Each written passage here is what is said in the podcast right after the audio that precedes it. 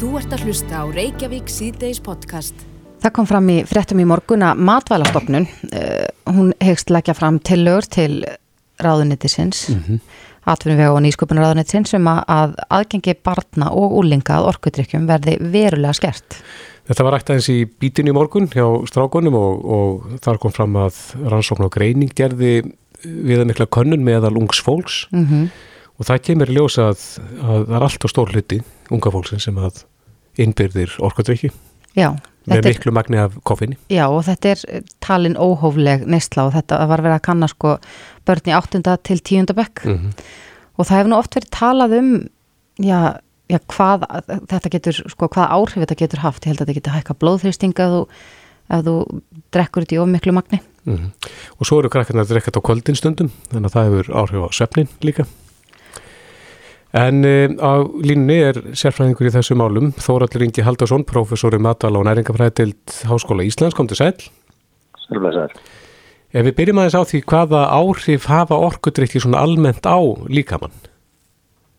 Já, þeir hafa náttúrulega bara, þessi minni halda, koffíni hafa bara svona áhrif og, og kaffi, þannig að bara, koffíni er bara örfandi efni og þá hækka blóðþrýsting og, og þarna og svona, maður vaknar eða ekki með mm -hmm. þetta.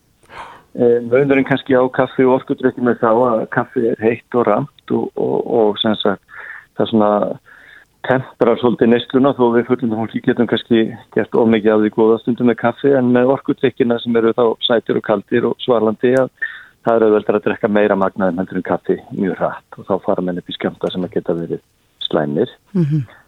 uh, varðandi svo börnina þá er þetta börn er ekki fullaði fólk, börn fyrir að sofa mikið, þau verður að stækka, það er ímislegt í gangi hjá þeim og það er má alveg spyrja sig hvort að það sé þá æskilegt að þau sé að neyta örfandi efna sem að hafi áhrif og getur þeir alltaf sopna og kvílast.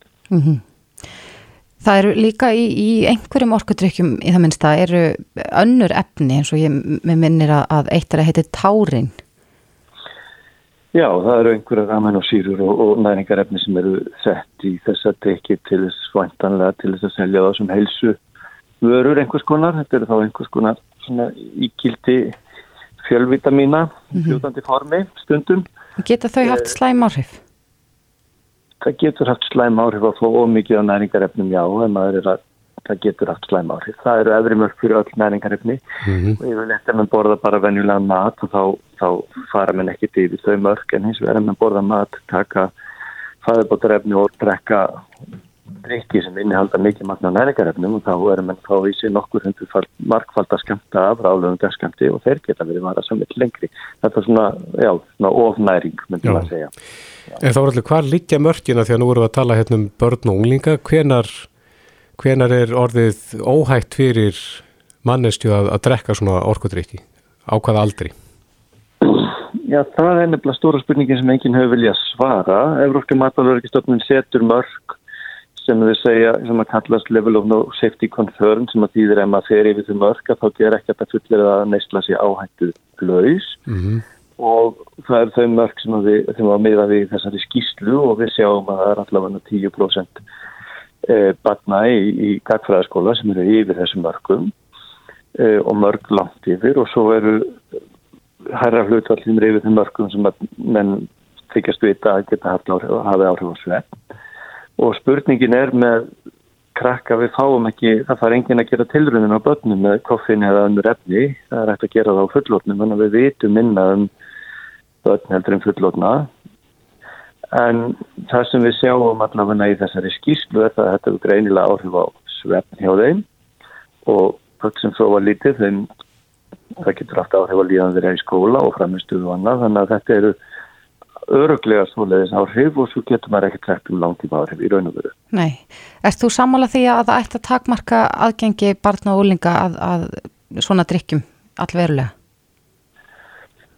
Ég með finnst það ekki óæðilegt að það sé gert. Að við skerum ímyndilegt við hleypum börn ekki í ólifsæðskils líf og við höfum vitt fyrir einhverja kveikmyndur með að horfa og við erum að tala um krakka á grunnskólandi hérna. mm -hmm. og, og sem sagt við höfum verið að færa aldurinn uppannandi ímyndilegt sem að mátti gamla tega og uh, við sjáum að þessi neistla er yfir mörgum það er hækkandi hlutvar, þessi nesla var, svona nesla var ekki til staði fyrir nokkur árum og, og þetta hefur greinilega áhrif á svepp sem hefur áhrif á líðan og þá er alveg fórsendu fyrir því að, að takmarka aðgengi. Það er að mörgu sem leiti, en það er matalastofnunur að metta það en, en sem sagt það er að sumuleiti óeðlegt að börn geti nálgast drikki sem er alltaf örfandi efni og drukkið óhindraði og í félagsmyndstöðum og íþróttahúsum og annar staðar þessum að það eru í félagsstæði það er klárlega kannski já, mm -hmm. bara mín personlega skoðun en, en þetta fer eftir í hvernig samfélag við viljum lifa og hvernig við viljum haga hlutunum og hvaða mörgu erum að setja krokkunum okkar. Já, en þú orður, veist þú um einhver dæmi þar sem að já, fólk hefur bara jafnvel komið ítla út úr því að drekka of mikið af orkudrykkjum? Uh, Nei, ekki ég personlega en maður, það eru til sem sagt til hérna skýslur og greinar um soliðis atvik Erlendis. Eh, ég veit ekki hvernig þetta er hátt að hér á landi en ég efast um að þetta sé vel skráð eða menn sé mjög vakandi fyrir þessu eh, því að það er svo mikið álæg heldur fyrir fyrir og mikið að gera á þeim stöðum sem að fólk myndi leita mm. en hætta með þessa sterkustu orkudrykki ef einhver í einhver tíklagang og drekkur mikið og hrætt þá er svona vissulega ekki staðar Já Ef við reynum að setja þetta eins í sammeitja því að við þekkjum kaffibóllan og við veitum hvað áhrif kaffi getur haft, hvað jafnast þessir aldjengu orkudrykkir á við marga kaffibólla? Sko, þessi venjulegu orkudrykkir, áður fyrir voru yfirleitt um 80 mg á kaffinni í einum orkudrykk eins og þessi gamlu matíktrykkir voru.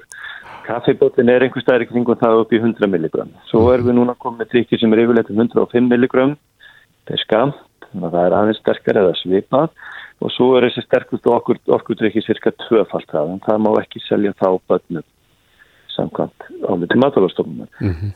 En svo má ekki gleyma því að kakkar eru léttari heldur en fullóðir og þetta miðast við kilogram líkansþýng þannig að ef einstaklingur sem er helmikið léttar en meðal fullóðin maður þá er hann að drekka eins og tvo kaffibotla í staðin fyrir einn þegar hann fær sér orkudrykk. Mm -hmm og yfirleitt ef við fáum okkur sex, orku, sex kaffibotla í trekk að þá fyrir okkur að líða undarlega.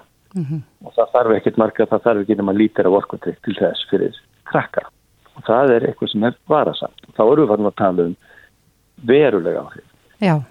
og svoleiðis endurtekinnistla yfir langan tíma veit engin hvað hefur, hvað áhrif það hefur en við vitum allavega að ef að fólk er að drekka alveg eins og fullari fólk það veit að, að kaffi hefur áhrif á svefn þá veitum við það að það er miklu minna magt hjá bögnum mm -hmm. Já, þetta er áhugavert og við fylgjumst með framöndan á þessu máli en Þóraldur Ingi Halldórsson professor við matvæla og næringafræði til Háskóla Íslands, kæra þakki fyrir þetta. Takk fyrir. Þú ert að hlusta á Reykjavík C-Days podcast. Reykjavík sýtis á bylginni heldur áfram. Það hefur verið, já, töluverð umræða um ummæli ástlegar örnu Sigurbjörnsdóttur, dómsmálar á þeirra, mm -hmm. sem hún við hafði á þinginu núna í fyrradag held ég. Og, og þetta var sem sagt hugmynd hennar um að vista fólk á afmörkuðu svæði, fólk sem hefur þá farið í gegnum eh, kerfið okkar, fengið senjun á báðum Eh, stegum. Mm, búið að fá úrlöst sinna mála í kerfinu Já. Að það verði þá vistað á afmörkuðu svæði eh, eftir að það er búið að ákveða vísuðu landi mm -hmm. og þetta er kannski til þess gert að, já, að fólk fara ekki að flóta innan lands eða, eða reyna að komast hjá því að Einmitt. vera vísuðu landi. Mm -hmm. Áslögarna hefur nú tjásaðins um þetta og er á línunum, kom til sæl. Sælverði. Og það er, var talað um í þessar umræðum um flóttamannabúðir og annað slíkt. Þú slærð á slíkar ásakanir að þú sért að allir að koma upp flóttamannabúðum. Já, sjálfsögur. Þarna fóruð þetta mjög margir með rámt mál um hvað ég viðhafði, hvað ég sagði í ræðistóru alþingi því ég var að svara fyrirspurt uh, Þingmanns miðflokksins og var að vísa í hvernig verklæði væri í öðrum löndum. þar sem Þingmannin var að spurja um hvernig verklæði væri hér við aðalega sem væru týndir. Og ég var að nefna hvernig þetta væri í öðrum löndum. Og það er þannig að í öllum Evrópulöndum, nær öllum Evrópulöndum og þá meðal Norðurlöndunum að þá er uh, svona sérstakar uh, búið að grýpa til sérstakara staða. Og það er tilskipur frá Evrópsambandinu sem segir að það eigi að vera svona loka búset úrræði til staðar það eru auðvitað aðeins þegar öll vægari úrræður er tæmt. Ég var ekki að koma með þessa hugmyndaborðinu eða segja að hún sé í vinslu hérlendis en ég var að vísa í hvernig önnur lönd gerðu þetta því að við hefum nú oft litið til annara landa mm. og erum líka aðilar að ýmsum skuldbindingum í Schengen samstarfunu til að mynda. En við þurfum auðvitað átt okkur á því að uh, við erum að tala um það þegar einstaklingar hafa fengið niðurstöðu sinna mála og frá bæði útlendingastofnun og kærnund útlendingamála að þá stendur þeim auðvitað til bóða að fara sjálfviljur sjálfvilju að heimferð og fá styrki til þess. Ef þau séðan líta því ekki að þá uh, er verið að framkvæma ákvörðurina uh, og þá eru ímisvæg úrræði til staðar í okkar lögjum nú þegar. Að það þurfa að tilkýna sig reglulega eða meiri segja að halda sig á ákveðinu afmörkuðu svæði þó að það sé ekki lokað. Og þannig er lögjuminn okkur í dag og það er bara gripið til þess e, eftir e, e, hverju máli fyrir sig og aðeins segja öll önnur vægar úrræði eru tengt. Mm -hmm. Það hefur verið aðeins bent á það að, að, að svona afmarkað svæði í Danmörku hefur verið mikið gaggrímt og að það sé mikil barátt að háð í Danmörku til þess að láta loka þeim stað. Ertu að, að vísa til svipara staða og það sem er kallað sjálfsmark brottvísuna meðstöðin? E, það eru mjög mjög sem hvernig þetta er, framkvæmt í löndunum í kringum okkur og við erum ekki að horfa á neitt ákveði land eða neina úrræðandi er, er það ekki ekki að dasgrá og ekki að þingmálaskrá e, að breyta þessu núna. En við verðum þetta að skoða alltaf hvernig kerfið okkar er og þóra að ræða um það að málegulega hvaða hérna, uh, lög við ætlum að setja, hvernig við ætlum að hafa kerfið og hvernig við gerum það sem best og ekki síst fyrir fólki sem kemur og sækir um að fá hér vend. Við þurfum að tryggja að þeir fjármunir sem við vorum nú að ræði dag, fjár, fjármálaállun og fjárlög í þinginu, um, að það eru fjórir miljardar núna sem fari í kerfið og við verðum bara að nýta þá peninga vel í þáu þeirra sem þurfa að venda halda. Já, það verður þetta... að vera hægt að ræða þessi viðkvæmi mál uh, málefnulega mm -hmm. og hérna, að einhverju yfirvegun til að átta sig á hildar uh, svona samhengi hlutana. En hjá ég rétt eftir, þú sagður að þetta væri Evrópu reglugjörð sem að tiltekur að, að svona svæði eigi að vera til staðar. Já, það er tilskipin Evrópu sambandin sem oft er uh, kallur brottvísun á tilskipunin um að bú, slíkt búsitúræði yfir til þegar öll önnur vægari úræði eru tæmt en við hefum ekki innleitt þessa tilskipur að fullu hérna. Af hverju ekki? Uh, við bara, við metum það auðvitað í hver skipti, við erum að skoða lögin, við erum innleiða eitthvað fyrir tilskipun núna, uh, það eru auðvitað eftir þörfum og svo þarf við auðvitað að geta átt umræði líka um þessi mál að við erum að kemur með lögjöf og slíkar breytingar. Mm -hmm. Sér þið fyrir þeirra að já, mæla fyrir einhver slíku í náinni framtíð? Eh, ég hef lagt fram þingmálaskrána mína fyrir þetta, þennan þingvetur sem er síðast þingvetur fyrir kostningar og e, á henni er ekki eh, verið að lögfesta bótt í svona tilskipununa sem lítur á þessum aðtrið. Nei, en þetta mál kemur upp núna eftir að þessi etiska fjölsýta fór í félur í rauninu og það fylgdi þeim fréttaflutningi að fleiri hafi gert það í gegnum tíðina. Serðu að það þurfi einhvern veginn að bregðast við slíkumálum? Við metum það bara eh, eftir því sem þarf hverju sinni við að eru ímis úræði nú þegar í lögjöfun okkar. Hvað úræði eru það? Uh, við erum með að rörlega getur lagt fyrir eh, aðilan að tilkýna sig reglulega, að aðfenda vegabriði sitt eða, eða að halda sig á ákveðinu afmörskuðu svæði sem þó er ekki lokað. Síðan er þetta ekki grípa til gæstuvarhalds ef Eh, öll önnur vægari úræði eru tæmt og þörf sé talin á slíku og nöðsinn til að framkoma. Já, þetta, það er hrikt aðeins í stóðanum fann maður hérna í, í samstarfi sérstaklega sjálfstæðisflokks og, og vinstir græna, tekur undir það? Við reynum alltaf að nálga þessi mál um, af, um, að ræða þau og ég held að það sé mikilvægt að við getum og það sé best fyrir kerfið í heild og umræðuna að hún sé ekki svartkvít Mm -hmm. Þá þarf hann að halka þannig út frá staðröndum og stöðu málaflokksins. Og við erum auðvitað að sjá gríðarlega fjölda fólk sem leitar hingar með þess að þrátt fyrir það að það séu hér uh, nær loku landamæri eins og margir segja. Og þá þurfum við að hafa kerfi í stakk búið til að veita þeim vend sem þurfa á henn að halda en líka svara uh, neikvæðan niðurstöðum fyrir svo að fólk geti vita það fyrir og sé ekki hér í kerfinu til lengri tíma. Mm. En þú kallar eftir því að það sé að ræða þessi mál af, af stýnsimi. Finnst þér vanta upp á þar? E, það hefur nú auðvelt að horfa tilbaka á síðustu tvo daga hvernig fólk hefur tjáð sig um umhali mín því ég aðeins vísaði í framkvæmt Evrópulanda e, og fer hér með gífur yrðar, yrðar og fullirðingar um um, flóttamannabúðir og brottvísunarbúðir og ég veit ekki hvað og hvað sem er enga veginn það sem uh, ég var að nefna um hvernig Evrópulönd og löndin í kringum okkur gerðu þetta. Þannig að já, ég myndi uh, gerðan vilja og reyni sem mest ég get að mæta og ræða þennan málaflokk og kerfið okkar í heild af því að ég held að við munum aldrei sjá heildamyndina ef við nálgumst málinn alltaf út frá upprópurum eins og þessum. Mm -hmm. Rétt aðeins í lókin þú sagði að það færi fjórir miljardar núna í, í þennan málaflokk, finnst þið þeim peningum vel varið? Ég held að við getum gert betur fyrir þá peninga til þess að veita fyrrvenn til að þjónusta betur það fólk sem hér er að koma uh, og til að svara fólki fyrr svo það þurfi ekki að býða svo lengi.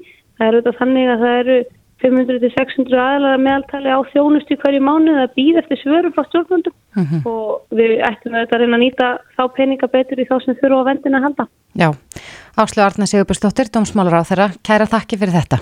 Takk fyrir semulegis. Hlustaðu hvena sem er á Reykjavík C-Days podcast.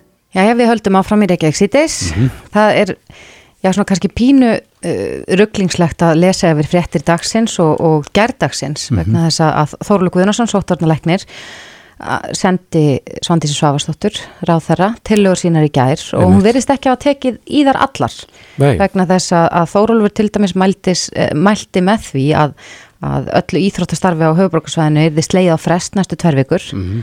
en samkvæmt því sem kemur fram í, í auglýsingunni eða reglugjörni frá ráð þeirra er er eitthvað leift Íþróttir utanhús, já, eða ekki? Jú, og líka hjá börnum mm -hmm. ég fekk til dæmis tölupost frá Íþróttafélaginu mínu hverfum að, að það er öllu sleiða frest næstu tvær vikur og svo verist það að vera dreyið tilbaka í dag Býtu það er það borgin sem tekur upp á því?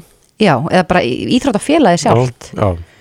Þannig að þetta er já, kannski nokkur auklingslegt en, en eins og Þórólu sagði að þá er ekkit sjálfsagt að, að, að heilbreyðisra á þeirra samþykja allt sem hann leggur til mm -hmm. En við heyrum líka að uh, þeir sem að uh, eiga mikið undir í þessu, eins og eigandur líka setta staða, þeir vita ekki hvort fótinn þeir eiga stíga, sögum hverjir. Þeir á meðalið Þröstur Jón Sigursson, eigandi sporthúsins og, og fleiri staða, komdu sæl. Komið sæl og blessu. Já, þú ert eitthvað ringlaður í þessu, ekki? Það er aldrei svo að segja það, já, því miður. Já, að hvað er leitið þá? Hvað er það sem að er, er óstýrt? Ég sko, það sem við erum náttúrulega ströggla við er að, að hérna, við erum að hafa svo rosalega misvísindi skilabóð að e, á fréttafundi eða upplýsingafundi hjá almannavörnum í gær segja fórólur og víðir og, og, og fara fram á það að öllu íþróttstarf verið hægt og, og um leið bara og sá fundur fyrir fram þá bara blásum við af allt hjá okkur og það er bara talsverð aðgerð. Við erum með á melli 11 og 12.000 viðskiptavinni og vel á 300 starfsmenn. Mm -hmm. uh, við gerum það. Síðan uh, fer uh, þetta minnisblad að hvað er nú skila til ráðherra og út kemur reglugerð ekki kemur tíuleiti í gerkvöldi og þar einmitt eru heimiluð æfingar barna fætt 2005 og síðar auk utanúsæfinga og fleira og við erum í því dilemma að, að, að við vitum ekki hvort fótnum við eigum að stíga, eigum að líða þarna sótvarnarvegni eða eigum að líða lögjafanum. Mm -hmm. Er þetta, heldur þetta sé bara undir ykkur komi vegna þess að í fréttum í dag hefur Þóruður Guðnarsson sagt að hann mælist enn til þess að íþróttastarfi á höfbruksvæðinu verði sleið á frest, en, en er þetta þá ykkar ákverðin? Ég sko, mér finnst algjörlega glóru löst að setja þetta okkar herðar af því að eh, sko, ég er með eh, einhverja tíu starfsmann sem vilja fá að æfa þeir vilja að við veitum þess að þjónustu og ég með einhver hundru viðskiptafinni sem vilja fá þjónustuna sem að þeir eru að borga fyrir mm -hmm. og uh, þeir eru mjög ósáttir ef ég ætla ekki að veita þjónustuna og, og mér er heimilt samkvæmt reglukjör að veita hana mm -hmm. uh, ég eins og það er og mér er mjög umhugað um, um almannahag og, og ég vil ekki, vil ekki fara gegn almannavörnum Íslands þannig ég veit ekkert í hvort fóttinni á stíða En eru þið í sporthúsinu með æfinga aðstöðu úti sem að þið myndu vilja nýta? Já, já, við, erum, við getum tekið á móti fullt af fólki í ítunarsæðinu. Já, jáfnvel þrátt fyrir tvekja metra uh, fjarlæðareglu. Já, ekkert vandamál og við með, með við með meirinn tvo metra í, í öllum okkar æfingum og, og, og e, það er æfingar sem búin að skipa í dag út frá reglugerðin sem kom hann í gerðkvöldum tíu leitið. Það eru um alla búnaðalösar og auðvitað bara 19 eðkvættur hverjum hóp og og, og, og hérna eitt þjálfari. Mm -hmm. En hver er staðan þá núna? Eru engar æfingar þá sem að þið bjóðu upp á þessa dagana? Við, við byrjuðum, við kanselum öllum æfingum eftir uh, fundalmannavarna gær uh, en þegar reglugina kom út í gerðkvöldi þá kvektum við að opnum á það aftur Já, og svo við vitum ekkert hvað ég um að segja núna þegar Þórólur talar í raun gegn reglugjör ráður frá því gerkvöldu. Mm. Þannig að þér finnst að eitthvað þurfa að koma fram og, og skýra hlutina. Það verður bara, sko, sko ég segi bara og mér finnst bara algjörlega skýrt að, að þetta á ekki vera okkar herðum að taka ákvarðanar út frá almannahag eða almannahagsmunum með þessum hætti og, og, og að velta þessari ábyrði yfir okkur. Mm -hmm. Það er vist nóg álag núna að, að sitja uppi með, með lokanir og það allt saman að þurfu ekki að fara að sko taka ábyrði á, á, hérna, á, á almannahagsmunum. En þurfum þið stýrari svör svona til að, að tryggja ykkur lagalega séð? Nei, veistu, ég hugsa bara ekki nokkur þá þannig. Það, það sem ég hugsa núna er að mér finnst fræðilegt að, að ef að mínu viðskiptavinnir upplifa að ég ætla ekki að veita þeim þeim þjónustu sem að mér er heimilt að veita þeim mm -hmm. og þeir eru að greiða mig fyrir. En hins vegar á móti þá hugsa ég líka að það veri skjálfilegt ef, ef maður gerði það svo raun gegn þessum tilmælum sótvarnarækni sem er ekki samræmi við, við tilmæli og eða reglugjör heilbyrðisráða mm -hmm. og svo kemur hjá manni smitt og jável fólk myndi veikast alvarlega. Þannig, þannig að hvort ámar að gera, í hvort fótið ámar að stíga? Já, það er spurning. En ja. hafið þið ákveðið hvað þið ætla að gera varandi, já, eins og talar um þá eru, eru viðskiptunir ykkar og þeir sem æfa hjá ykkur að, að borga fyrir þá þjónustu. Munið koma til með að, að veita þeim endurgreðslu eða eitthvað slikt fyrir sko, þann tíma sem lokað er? Núna, sko, við unnum þetta bara með okkar viðskiptunum í síðustu lokunum og ég gerir ráð fyrir að við gerum það aftur. Við, ég skal alveg viðkynna það að þetta búið svo rosalega óvisa núna undanfarið að við höfum bara beðið okkur viðskipt þannig að býða þeins mm -hmm. uh, við höfum ekki ennþá séð nákvæmlega hvernig við hérna vinnum úr því. Og, bara, og við vitum náttúrulega ekkert hversu launglokkunin verður eða hvernig þetta verður. Þannig að, að hérna ég gerir fastlega ráð fyrir við og sjálfsögðu komum til móts í okkar viðskiptaðinni en, en hérna ég þóri bara ekki svaraði í dag hvernig, hvernig verður einfaldast að gera Nei. En þröstur, er þetta mikið tjón fyrir ykkur og var þetta mikið tjón í, í fyrstu bylgjunni? Gríðalegt tjón, alveg gríðalegt Getur nefnt okkur eitthvað á tölum?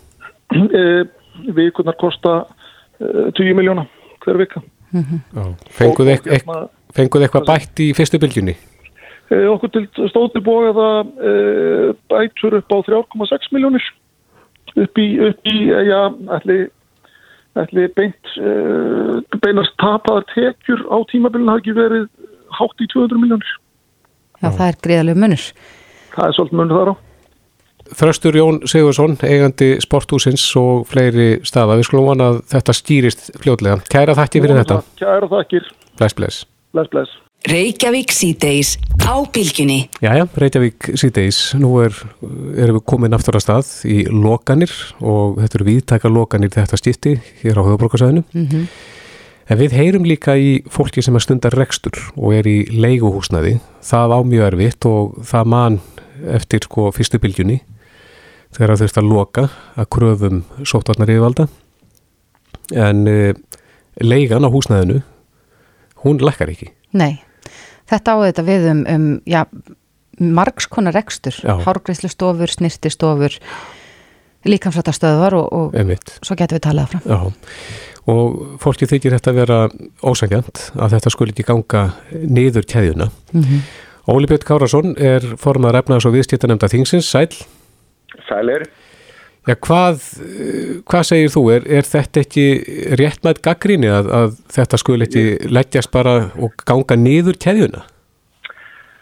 Já, ég, ég skil uh, mjög vel þetta viðþorf og uh, ég get bara sé sjálfa mig í þeirri stöðu að, að allt í einu vegna ákvarðana stjórnvalda þá sé lifibröðu mínu kift frá mér vegna þess mm -hmm. að það er um það að ræða í þessu tilfelli eða í mjög mörgum tilfellin. Mm -hmm. Þetta eru sjálfstæðir atverðurreikendur sem eru svona bakbenni í íslensku samfélagi og halda okkur hérna áfram og skapa hér verðmætti.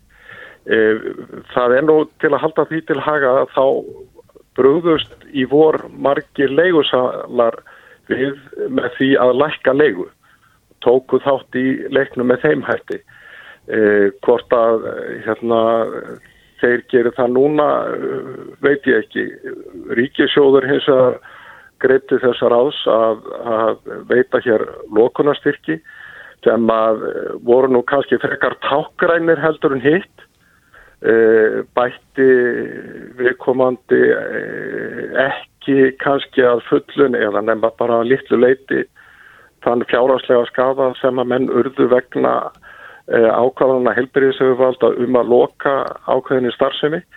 Ég veit að fjármálar á þeirra er að skoða þessi mál með hvaða hætti ríkisjóður geti komið til móts við uh, hérna fólk, uh, aðtölureikandur sem að standi í þessum spórun núna og þá verður auðvitað að horfa til þess í ríkara mæli heldur en í vor að það sé eitthvað samhjá milli hins fjáraslega taps og þess styrkjar sem að umræðir.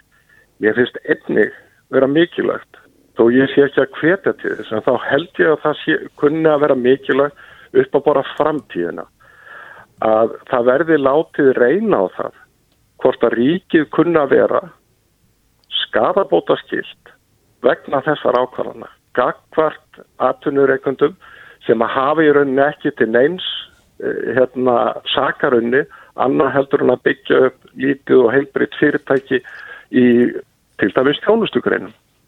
Þú segist ekki verið að hvetja fyrirtækja einandur að þá sem er þessum spórun til þess að, að fara í mál en, en væri það gott að fá þessari laga óvissu þá eitt? Ég hygg að það sé mistakosti hérna þau sjóna mig uppi hjá mjög mörgum lögfræðingum sem ég er ætt við að ríkið kunni að vera bera einhverja skadabóta skildu vegna þess skada sem menn verða, til, verða fyrir og nota penni það er verið að leggja sérstakar byrðar á þessa atvinnureikundur e, til þess að verja okkur allir. Mm -hmm. En veistu hvort það, það sé einhver dæmi þess fyrirgjöð? Það er eðlilegt að, að hérna, við tökum þá þátt í að bera þannig fjárhagslega skafa saman. Mm -hmm. En þekkir einhver dæmi, jáfnvel bara út í heimi þar sem að stjórnvöld hafa greipið til slíkra aðgerða eins og verður að gera hér og, og að fyrirtæki hafi farið í mál við ríki vegna þess? Ég þekki þetta, ég nú brestur mig þekkingu þegar það kemur að, að hugsalegu hérna málaferðlum fyrir dómi, ég þekki það ekki en eh, alla ríkistjóttir í Evrópu higgja mér sér óhætt að fullir það eða mistáðusti langt flestar hafa komið til móts við aðtunureikundur þegar að kemur að þessum þætti að bæta þeim upp eða styðja þá uh, til þess að komast í gegnum þennan erfið að kapla í lífu okkar allar. Mm. Þú nefndir hérna á þann að þessi lokunarstyrkir hafi verið svona tákgrænsæðlis í fyrstu bylgjunni? Já, ég á nú, þá er ég nú bara miða við það að að lokunarstyrkur er miðast við að hámarki 800.000 krónur á starfsmann eh, og, en þó aldrei herra en 2,4 miljónir á hvert fyrirtæki og það segir sér sjálf að þegar að til dæmis er eh, stór líkansræktarstöð að þá er það ekki neinu samhengi við þann hugsalega fjárhanslega skada sem slík líkansræktarstöð verður fyrir. Eða þess vegna hárgræslu og rakkarastofur sem er með mikil umfang að, og það verður að gæta að þessum þætti að, að, að það sé þá tekið til í þessa. Mér er það bara sangjant. Er verið að skoða það að þá hækka þessa styrki eða gera betur í þetta sinni eða? Þú sagði fjármálar á þeirra væri með þetta í skoðun? Já, nú er, nú er þetta til skoðunar. Ég ætla ekki að, að hérna, tala fyrir fjármálar á þeirra, því verði að ræða við hann. En ég er að lýsa mínum sjónamiðum og það kemur vel og óvart eða ég og fjármálar á þeirra væri mjög óli, með mjög ólíkar skoðanir en alganir í þessum málum eh, og í rauninni öllum málum. Já, akkurat. Óli Björn Karlsson, formadur efnags og viðstýttanemnda þingsins. Kæra þakki fyrir þetta. Takk som leiðis. Reykjavík síðdeis á Bilginni podcast. Reykjavík síðdeis heldur áfram. Það er búið að vera eh, umræðar á þingin um fjármála áallin ríkistjórnarinnar og eh, já, það hefur auðvitað, er alltaf gaggríni á, á slíkt en, mm -hmm. en það kom fram að, að eh, já, mikil vombriði vegna þess að ekki er gæst ráð fyrir niðugreisla á sálfræði þjónustu í fjármála áallinni. Sem er mikið búið að tala um og sérstaklega í þessu ástandi sem hefur kvílt á þjóðfélaginu. Já, þetta þá... var samþygt í, við lokþingsins í, í sömar Já. með yfirgnafandi meirluta. Mm -hmm. Hanna Katrín Fyriríksson, þingflokksformaði viðreisnar, eh, bendir á þetta og gerir þetta undalsefni. Kom til sæl? Komið sæl. Já, hefur þið fengið stýning á því af hverju þetta vantar í núna? Já, við fórum svo sem yfir þetta í samtali í þingstæli í dag, ég og, og, og sitjandi helbriðsáðara, um hverjumöndur uh, um hverjumöndur Ingi, já, akkurat. e, og máli er að við vorum að ræða fjármála áallun mm -hmm. og, og þar er nú bara frekar augljósta að það er allavega ekki gert ráð fyrir þessu fjármagnir sko. og það er ekki tilgreynd sérstaklega og, e, og þetta er fjármála áallun til nokkur ára e, þannig að það eru kvíðari vonbriði fórsaðan er svo að alþingi samþýtti samsjóða síðastlega vor þetta frumvart viðresnar og, og, og með flytjendu voru reynda þingmannum nær öllum flokkum um að sjúkra tryggingar Íslands tækja að sér að greiða niður sálfræðarþjónustu fyrir landsmenn líkt og, og, og flest önnur heilbríðstjónusta er niður greitt og þetta hefur verið baratumál margra mjög lengi mm -hmm. og þing hefur alveg bara sammála um það að, að, að þetta er mjög jákvæmt og þetta, þetta setur eiginlega svona andlega helsu til jafnsög aðra heilbríðstjónustu mm -hmm. þetta skiptir máli nú það kom svo sem umræða strax í vor að, að þá eh, kemur fjármálar að þeirra fram í, í, í fjölmjölum með það sjónum við að, að það sé ekki svo byggáli þó ég auðvitað sé komið svona, ég held að það hefði nú orða að, að fjármjölunum væri eftir mm -hmm. Og nú er svo vinna búin að eiga sér stað í alla þessa mánuði og, og það kemur úr það er ekki gert ráð fyrir þessu. Og eins og ég segi, það, það er náttúrulega bara gríðarlega vonbreiði sko ég og við áttum okkur alveg á því að að útgjald ríkis á sér fordama laus núna í þessu COVID-fári. En að samaskapi vitu á slemri reynslu tíu ára gamallega svo að áfulla borðið það sem að Íslands samfélag standur nú fram með fyrir með tilhörandi atvinnumissi og öðru slíku. Mm -hmm. En, þetta kemur niður á, á e, geðhilsu fólks. Akkurat. Það koma gæðran vandamáli kjöldfara þau koma oft nokkur mánu segna. Já, en Hanna Katrín heldur þá að við munum ekki sjá þessar breytingar fara í gegn á næstunni, jafnvel á þessu ári?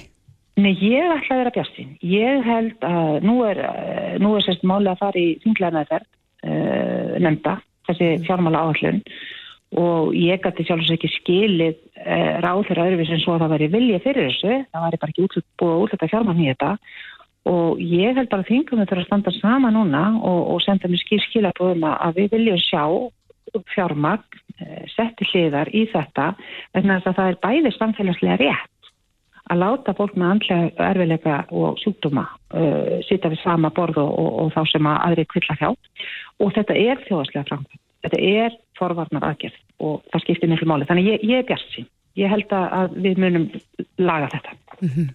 Já, þú, þetta var nú ekki það eina sem þú, þú rættur um á þinginu í, dag en, en þar varstu líka gaggrina sóttvarnar aðgerðir á alþingi í morgun en Já. að því sem snýrað íþrótta yðkun. Já, ég var sérstaklega bara að benda á að, að uh, akkurat á tímum núna þessum er mjög mikilvægt að náðu upp samstöðu um þær aðgerði sem ákveður að grípa til til að ná þessari óværu, ná böndum á svo óværu, þá mæri mjög vondið að ríktu svona ákveðin upplýsinga óreiða og staðin er svo að sótvarnalæknir lagði frá minnislega í gær það sem lagt að til meðal annars 12 aðgerri held ég að það er gert hlýja allir íþróttastarfu á höfuborgarsvæðinu í tvær vikur mm -hmm. Og annars vegar er þetta með höfuborgarsvæði algjörlega óutfært af því að við veitum það hérna í, að fólk býr á einu stað og er í íþróttum annar staðar og kerir á milli og leik heppa og, og, og útfærslu vantaði algjörlega öllu þessu.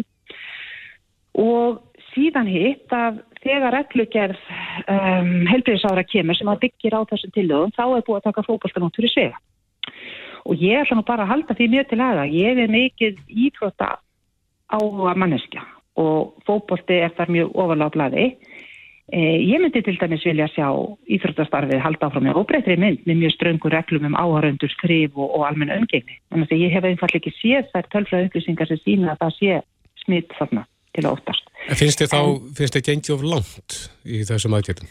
Ég sko aðalega, að því ég er nú ekki, hérna, hef ekki forsendu til að meta kannski það, en aðalega er ég að gaggrina að það skulle vera þessi, þetta misræmi í aðgjörnum, að fókbóltinn skulle vera tekið nótur í segja. Og ég veit alveg að það er landsleiku og ég veit að það eru lókt tímabilsins. Eh, landsleikin er hægt að taka út fyrir segja. Það er allt önnur aðgjörn lók tímabilsins, ég meina handbóltinn og korfuboltinn voru slegin af í vor þetta er bara, þetta er bara spurning svolítið um, um samstöðun í þessu. Þannig ég, ég veit ekki, það var fyrst og fremst það hérna, sem ég var sérstaklega þetta skadar samstöðuna sem við þurfum að búa af drefur úr trúveruleikanum og þessi upplýsinga óreiða. En, en hérna fyrst og fremst myndi ég bara vilja sjá tölfræði upplýsingar um hvaða hætta er á því að fólk fá að stunda sínar íþróttur innan mjög strángra marka eins og, eins og ég segi. Við tölum við eiganda sporthúsins hérna áðan þar sem að hann var í raun og vera gaggrina það að, að reglugerð ráþæra segir eitt en, en og svo stíga sóttvarnan yfirvöld fram í dag og, og í raun og veru segja annað. Já, er já. það þessi upplýsinga óriða sem hún vísa til? Þa, það er það sko, alveg klálega og, og hérna eitt er, það er alveg, þann, er, alveg ljóst að, að þetta eru pólitíska ákvarðanir og það er líka hjá ráþæra en það væri mjög gott að það væri stuttar rökum, það er kannski þau, sem að vantar og, og svona þannig að fólk hafi þá tilfengið þessi ástæði fyrir því að verið sig að fara að ganga á rétt fólks og því það er náttúrulega verið að gera það, það er verið að skerða frelsa okkar allar með þessum aðgerðum og þá er mjög mikilvægt að það sé búið svo um hútana að við skiljum og trúum því að þetta séu rétt skrif sem eru tekin. það, það, er, það er þannig. Hérna. En Hanna Katrín, það hefur svolítið verið talað um grímur í, núna í þessari þriðju bylgju og, og hugsanlega grímur skildu. Hvað stendur þú í því? Já, ég, mér finnst uh, af, af mörgu því sem að á okkur dýnir og skerði frels okkur til aðtarna, þá finnst mér grímundna nú minnstamálið. Fyrir utan að þær eru líka ákveð, ákveðin tillitsemi við fólk sem að þarf að vera á ferðinu og er sannanlega um, í áhættu hópum. Þannig ég er nú til til að slök gagvart því. Heldur að væri hægt að, að auka grímunótkun og, og draga það úr lokunum á móti? Eins og ég segi, mér skortir allar upplýsingar, þannig að ég er ekki í því hlutverki að vinna nákvæmlega með það, en ekki væri nú gott ef að þetta væri eitthvað sem að við hefðum í höndunum. Eh, en þess að ef að það er svo, tölur sína að það væri hægt, þá væri það sannlega jákvæmt. Já, Hanna Katrín Freiriksson, þingflokksformaður viðreistnar, kæra þakki fyrir þetta. Takk sem er leiðis. Okkur hefur borist til yrna nokkuð að förðulegt mál af, frá Siglufyrði en lörglunni á Norðurlandi Eistrabarst á mánudaginn tilkynningar um mann sem hefði farið inn í nokkur hús á Siglufyrði. Hann, hann, það verist verið einbrottsþjófur því að hann er grunar um að hafa tekið verðmætti úr húsum en nú verðist sem hann hafi haldið áfram í nótt. Já, hann er ekki að, að brjótast inn, er hann ekki bara farin í ólæst hús? Já, jú, en er það ekki innbrotið á ferðinni í ólæst hús og tekur verðmætti? Ég held að það sé reynda að kalla húsbrot en, en Já, það já, er nú kannski. svona skil- skilgreiningar atrið en, en maður sem á ekki að vera, það sem Já. hann er reyna að komast, það er, það er augljóst. En Elias Pétursson, bæjastjóri í Fjallabygð, er á línunni, kom til sæl. Já, sælveri. Já, er þetta ekki aðal umræðefnið á, á kaffistofum íbúa í dag? Jú, það held ég að sé alveg klást. Þetta er er eitthvað sem að, já, fólk á því ekki að venjast að, að það sé verið að koma inn til þeirra á nóttunni. Nei. Ertu búin að heyra hvað þetta eru orðin mörg mál? Nei, ég veit það ekki. En þau eru nokkur og, og, og ég veit alveg örglan var eitthvað að reyna eldan í, í nótt og mm hann ekki. En, en þetta eru nokkur, nokkur mál. Já. Hvað eru menn að tala um? Halda menn að þetta sé heimamaður eða aðkomumæður? Ég hef ekki hugmynd um það. Það Er eitthvað líf í bænu núna? Er, er eitthvað um að vera? Það er ekkert sérstatt um að vera. Það er náttúrulega, Siglufjörður er þannig staður að þetta kemur tölvört af fólki. Ég las í fréttin á vísi að, að þessa dagana verið að taka upp þriðju serju af, serju af ófærð á Siglufyrði Já, nákvæmlega. Já, þannig að, að ég veit ekki hvort það sé einhverja sögursaknir um það að það gæti verið utan bærmaður á ferð Ég ætla ekkert að segja neitt um það. Ég vona allavega að þetta sé ekki heimamaður og ég stórefast um að þetta sé einhver partur af ófærð. Já. En ég, það sjálfsögur reikna maður freka með því að þarna sé einhver, einhver utan að komandi á ferðinni. Mm He, hefur uh, svona andrúrslotti verið í bænu þannig að, að fólk hefur stilið hýbíli sín eftir opinn? Já, það er svona einn af kostum þess að búa á landsbyðinni að þá ertu svona í það sem maður upplifir sem mjög örugt umhverfi og þar af leiðandi er fólk svolítið með það að hafa opið og, og svo sem ég þar með talin. Já. Erst þú farin að læsa á nætuna núna? Já, ég reynir nú að gera það. Ég kem, kem nú í fjallabið úr enn minna, minna byggðalagi og þar var maður nú meir og minna með opið Já. en, en að sjálfsögðu fær þetta mann til þess að hugsa. Já.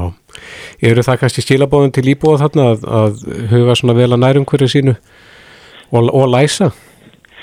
Klárlega er það það og klárlega eiga allir að læsa að sér sérstaklega náttúrulega á nóttunni og eins að þeir fara úr húsi. Já. Þannig að, að augljóslega er þetta skilabóð og áminningu um það. Hver er viðbrastími lauruglu ef að, ef að fólk verður vart við einhverja mannaferðir? Hvað er þeirri snöggjar á staðinn? Það fer náttúrulega eftir hvar þeir eru eins og þið öruglega vitið að þá er, er nú svolítið svona dreift hvar lauruglan er á landsbyðinni og þeir geta verið inn á Dalvík og þá er það 30 km sem þarf að keira mm -hmm. þannig að viðbrastímin getur verið einhver en það fer bara eftir hvar þeir eru í á starfsvæðinu sem að þessir fáu lauruglumenn eru að vinna á sem eru að sinna okkur. Já, Elias, veistu, er algengt að, að innbrot eða húsbrot séu framinn þarna í fjallabæð? Ekki það ég veit. Ég, ég, ég er bara búin að vera að því einhverja skjömánuði. Mm -hmm. Ég hef ekki heyrt af því og, og, og alls ekki, sko. Nei, er fólk að viðra ávikið sína við þig sem bæjastjóra? Nei, það hefur nú ekki verið, ekki allan í þessu tilviki. Nei, einmitt. En þú ert farin að læsa, bæjastjórin læsir á nætturna núna. Bæ, bæjastjórin læsir, já. Já, eh, Elias Pétursson, bæjastjóri Fjallabegð, kæra þakki fyrir þetta. Þetta er Reykjavík C-Days podcast.